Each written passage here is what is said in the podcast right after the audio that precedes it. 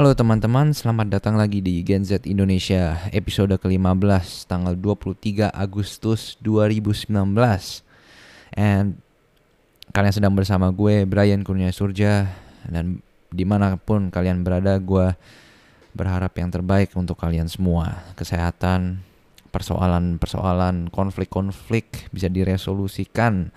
Karena lu gak tahu lu bisa hidup sampai kapan bro. Oke. okay um, itu lumayan dark sedikit dark ya tapi ya you know what? Fuck it man. Kita lupakan saja. Tapi ngomongin tentang darkness atau kematian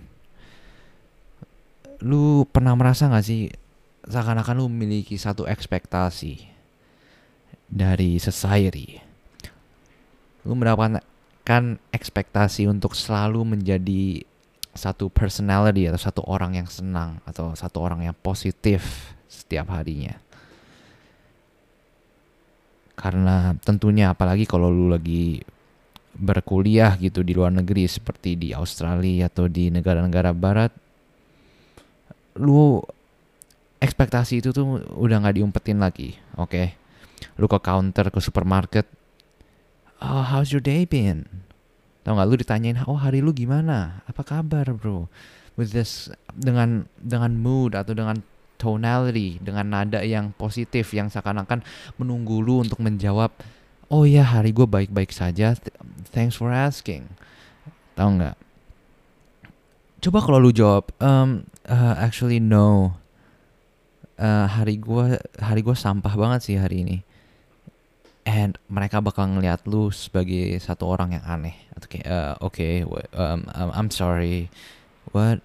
Oh maaf maaf. Gue nggak gue nggak bermaksud untuk kayak you see kita memiliki apa ya society memiliki ekspektasi yang tinggi untuk kita semua untuk selalu menjaga frame atau menjadi personality yang menyenangkan bagi orang lain. Oke. Okay. pertama ya oke. okay pertama I'm not saying gue nggak mau bilang kalau oh ini sebenarnya nggak bagus gitu kayak being happy is not good like it's good oke okay?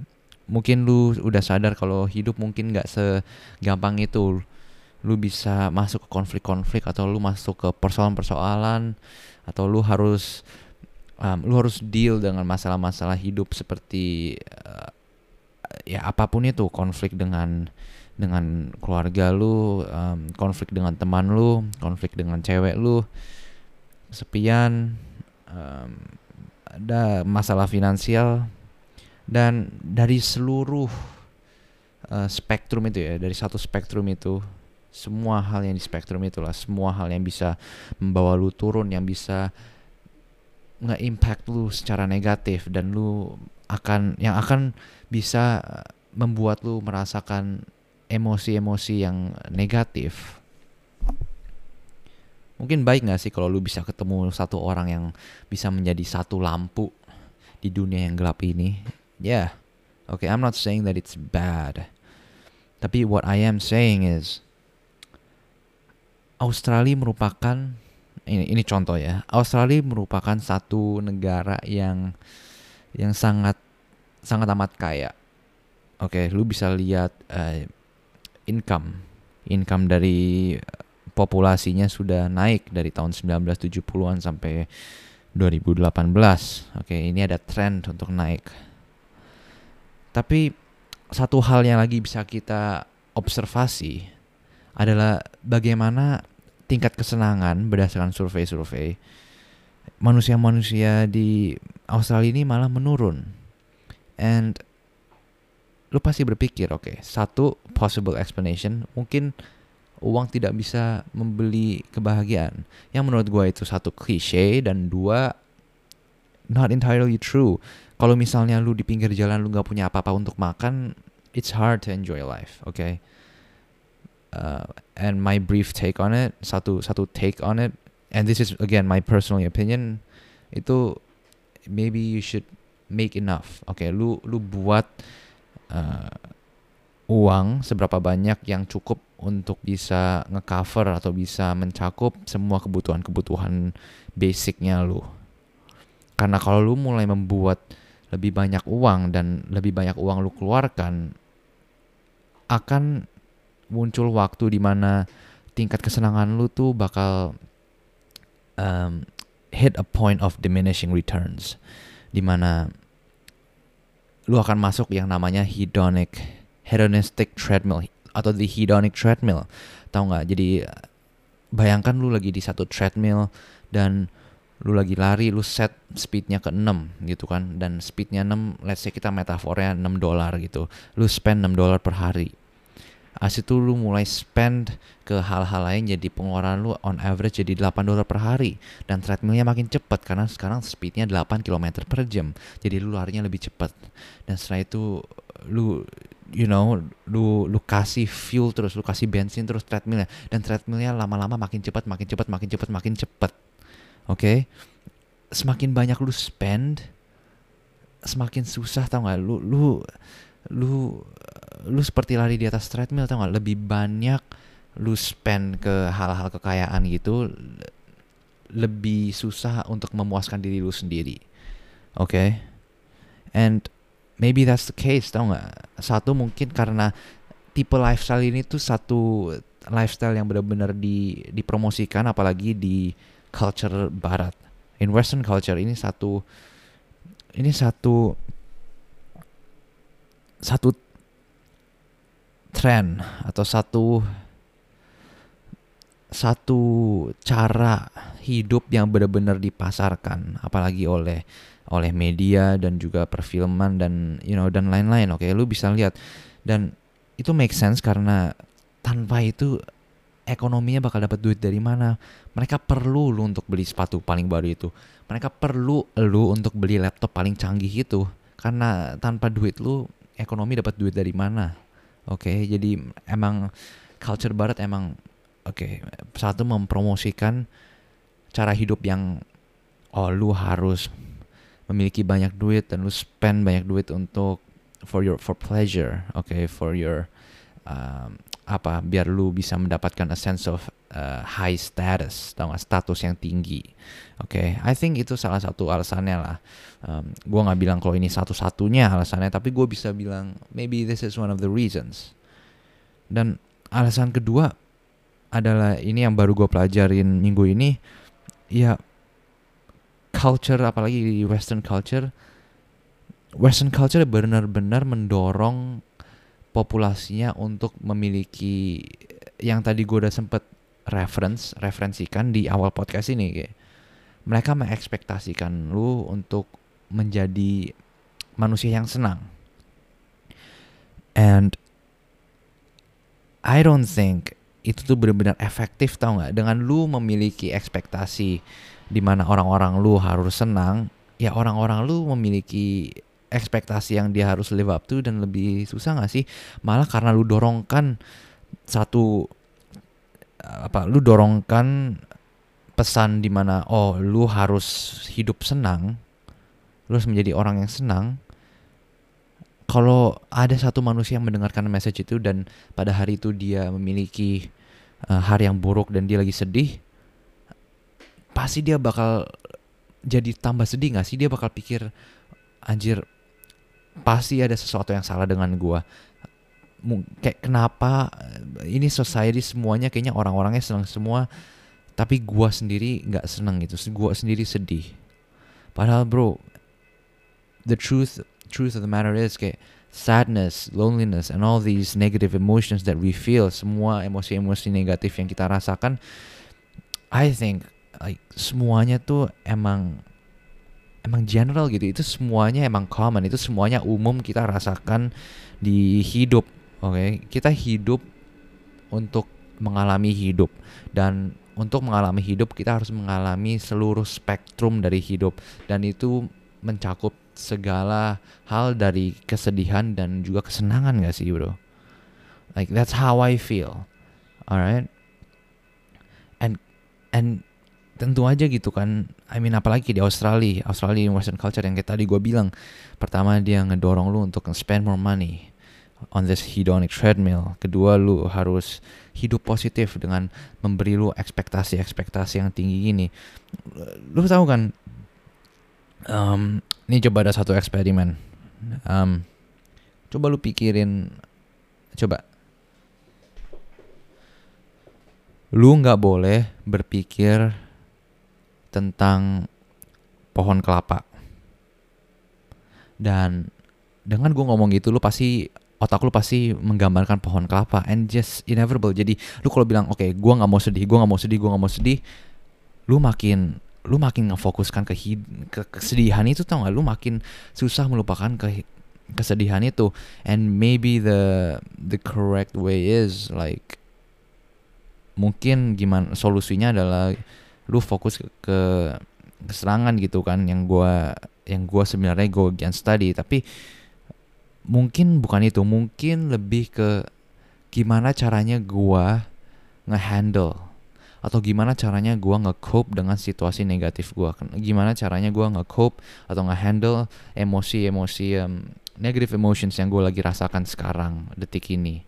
Kayak gue merasa lonely gue merasa sedih gue merasa depressed gue merasa anxious like gimana caranya gue bisa menghadapi emosi-emosi seperti ini gitu. Tau nggak ini tuh lobang-lobang yang nggak bisa lu oh ya udah biarin aja gue sekarang bakal main game. Jadi lu seakan-akan uh, pandang sebelah mata lu sumpelin pakai tisu dan lu nggak lihat lagi. Karena I think kalau lu perli, perilakukan seperti itu gitu kan mungkin insecurity insecurity lu atau pengalaman pengalaman buruk lu tanpa lu benar-benar confronted head on pas di ke depannya lu menghadapi masalah lain mungkin impactnya akan jauh lebih besar kalau lu sebelumnya udah bisa menghadapi masalah-masalah masa lalu lu tau nggak I don't know man, I don't know what I'm saying. Kayak gue cuman gue cuman ngomong tentang apa yang gue udah denger dan what I think makes sense. Like ini kayak one of the things. Ini salah satu hal tentang podcast ini. I'm, gua nggak nge-condone kalian untuk um, mengikuti apa yang gue omongkan. Tapi ini satu sarana di mana gue bisa berpikir secara bebas dan just like voice out my opinion. Oke, okay? opini gue gue keluarkan. Alright. So uh, yeah, gue langsung mulai ngomongin tentang happiness. Jesus, oke. Okay. Um, yeah, it's itu kayak satu subjek yang benar-benar tricky banget gak sih? Apalagi kayak kayak tadi gue bilang karena karena culture kita udah ngedemand kita untuk hidup positif. Kalau kita ngomongin hal-hal seperti kematian atau kesedihan atau loneliness atau depression itu seperti lu dipandang aneh gak sih? Lu bakal langsung dijudge kayak oh my god, what's he doing? What's what are they doing? Ada satu quote dari Tupac Shakur. Alright, satu rapper paling ternama dulunya. Um, gue baru gue baru baca kayak tadi ya. Um, man, apa ya quote-nya? Pokoknya among the landscape, the world is fucked up. People judge those who are the realist, and people love those who are being the fake. Those who are being fake, don't? Something like that. And they're like, wow, yeah, that's that's some truth, you know? That's some truth, man. Um, gua sendiri kayak dude sebentar gua I'm I'm like lost. Gue gue kayak baru nge-search up like Google kayak two pack quotes. Gara-gara gue mau nyari quotes yang tadi gue mau cari like sekarang gue lagi ngebaca quotes. If you don't know me don't judge me. Uh, only God can judge me. Wow. What the fuck? Ini kayak fotonya ada kayak gambar aneh gitu anjir. Uh, god damn it man. Yeah. Yeah you know kayak you know orang tuh ngejudge orang-orang yang yang negatif. Padahal ini hal-hal yang sebenarnya normal oke? Ini yang yang seperti tadi gue sempet ngomong tau gak ini nge-cover spektrum dari hidup. Dan lu kalau mau ngalamin hidup ya this is what you feel this is life. Tau gak you you experience it. Kayak life is now. Life is what you're experiencing now. Yang lu lagi alamin sekarang itu hidup bro. Oh oh god damn padahal kayak kematian let's say ya you know gue nggak mau ngebawa turun mood kalian atau gimana. I know it's ah, man, it's such a fucking depressing podcast episode hari ini tau gak? I don't know why. Tapi um, like kematian. Yes, you can be like, oh shit, kayak what are you talking about? Kayak why are you talking about this? Lu kenapa lagi negatif banget sih bro? Kayak ayolah, enjoy life and all that. Kayak the fact that lu ngemandang kematian seperti itu, itu number one ya yeah, that's basic human instinct kayak semuanya ketakutan untuk you know takut akan kematian dan dan ya padahal gue kemarin-kemarin baru baca buku mengenai samurai kayak gimana cara samurai hidup oke okay? and again gue baru membaca doang and if you reading it I'm not claiming gue nggak ngeklaim kalau gue menghidupi nilai-nilainya just for your information oke okay? Gue I'm, I'm not like gue gua nggak mau dipandang sebagai like hypocrite like okay I'm I'm just reading it gue I'm fascinated kenapa satu grup um, orang-orang ini Eh, orang-orang samurai ini bisa menjadi seperti satu archetype yang kita ingat sampai sekarang, tau nggak? Jadi pas gue ngebaca buku tentang samurai dan gimana cara samurai itu hidup dan nilai-nilai yang dia pegang, semuanya memiliki satu pegangan yang memiliki ada satu fakta yang bisa gue tarik dari semua samurai-samurai dan karya-karya yang gue baca, yaitu mereka tidak takut akan kematian. And mereka itu tidak takut akan kematian as in mereka mereka meminta kita pembaca untuk selalu memeditasikan kematian setiap harinya. Meditate death daily. And kenapa mereka mengangsurkan begitu adalah ini benar-benar akan mengubah gimana caranya lu hidup, gimana caranya lu bertindak, gimana caranya lu ngomong dengan orang lain, gimana caranya lu um, nge-represent yourself, how you carry yourself out into the world. Tahu nggak? Gara-gara kalau lu memiliki kematian, konsep kematian ini di belakang kepala lu setiap hari, lu bakal akan lu akan lebih berhati-hati dalam let's say ngobrol dengan orang atau ngomong dengan orang. Karena lu nggak bakal you know lu lu nggak mau you know kayak you can die at any moment. Jadi like lebih baik apa lebih baik lu memiliki interaksi yang baik dengan orang samping lu atau lu memiliki interaksi yang buruk lu ngajak berantem orang dan kalau lu ajak berantem orang itu akan membuka konflik yang belum bisa diresolusikan dan bukan hanya itu karena lu merepresentasi lu lu membawa nama keluarga lu keluarga lu juga akan dijelekkan namanya Oke, okay, that's basically it, man. Kayak mereka benar-benar ambil konsep kematian ini dan dipakai sebagai panduan hidup, tahu nggak? Benar-benar mereka pakai sebagai panduan hidup. Seperti, let's say contohnya, um, mereka mereka man, mereka um, sebagai sebagai samurai ada dua hal yang mereka harus uruskan. Uh, satu adalah the gentleman's code dan secondly the martial arts. Jadi the martial arts ya, you know, sportsmanship dan you know all that jazz tapi yang gentleman's code the gentleman's code itu dia lebih berbicara seperti um, gimana caranya lu harus bertindak dan gimana caranya lu harus um, membawa diri lu and and salah satunya adalah pesan kayak oh lu harus make sure kalau lu tuh you know basic grooming harus lu hygiene basic grooming and hygiene kebersihan dan kesehatan lu harus top priority.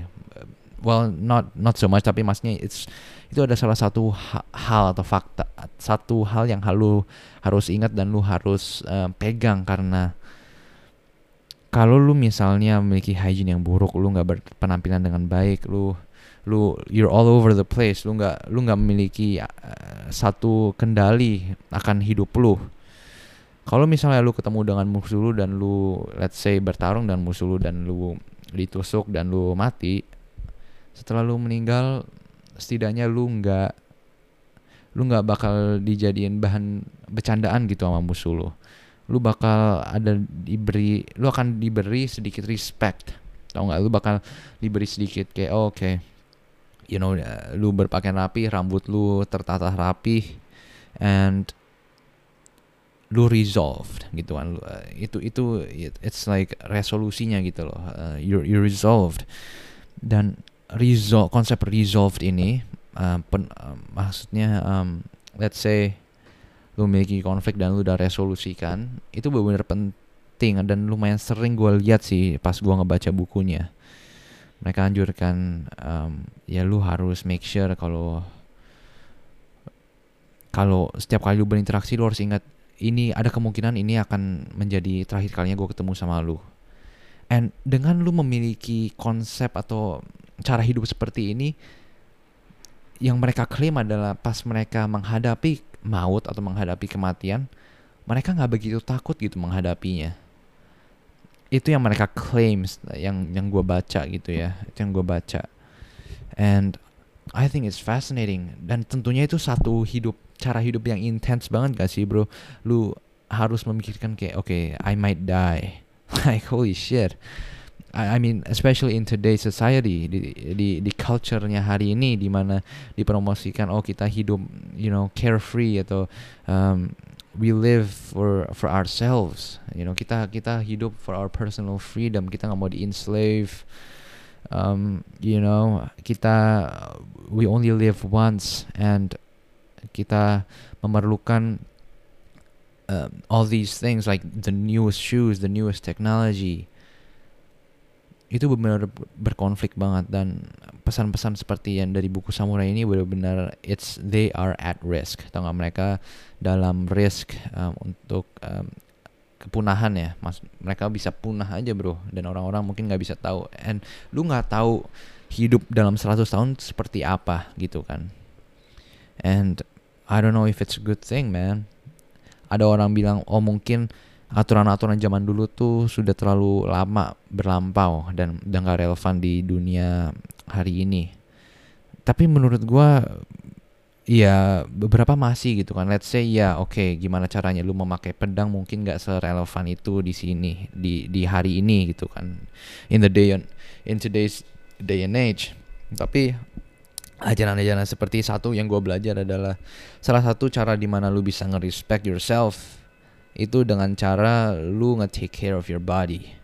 And dengan lu nge-take care of your own health and body and your hygiene for that matter, lu bukan hanya nge-respect diri lu, tapi lu juga nge-respect orang tua lu. Dan bukan hanya orang tua lu, tapi lu juga respect surga. Tahu nggak? Karena lu nge-inherit, tahu nggak? Lu lu lu diwariskan diwariskan atau mewariskan? Uh, diwariskan. Lu diwariskan tubuh ini ke dalam hidup ini. Dan untuk menjaganya adalah satu tanggung jawab besar dari lu. Dan untuk tidak men menjaganya lu seperti lu tidak menghormati tubuh yang udah lu wariskan dari orang tua lu dan juga surga. Tau gak ya? Kayak ajaran-ajaran seperti ini tuh bukan ajaran-ajaran yang benar-benar umum apalagi di ya yang gue bilang di culture hari ini ini sangat benar-benar sangat um, berkonflik. Tau nggak? Benar-benar sangat berkonflik sih bro. Like it's a good teaching tapi yeah, I don't know man. It's um like we're at risk of losing them. Makanya ini kayak seperti ini seperti kalau lu udah ngedengerin Jordan Peterson Jordan Peterson tuh melakukan hal yang sama tapi dalam hal seperti um, Christianity uh, kekristenan gitu kan.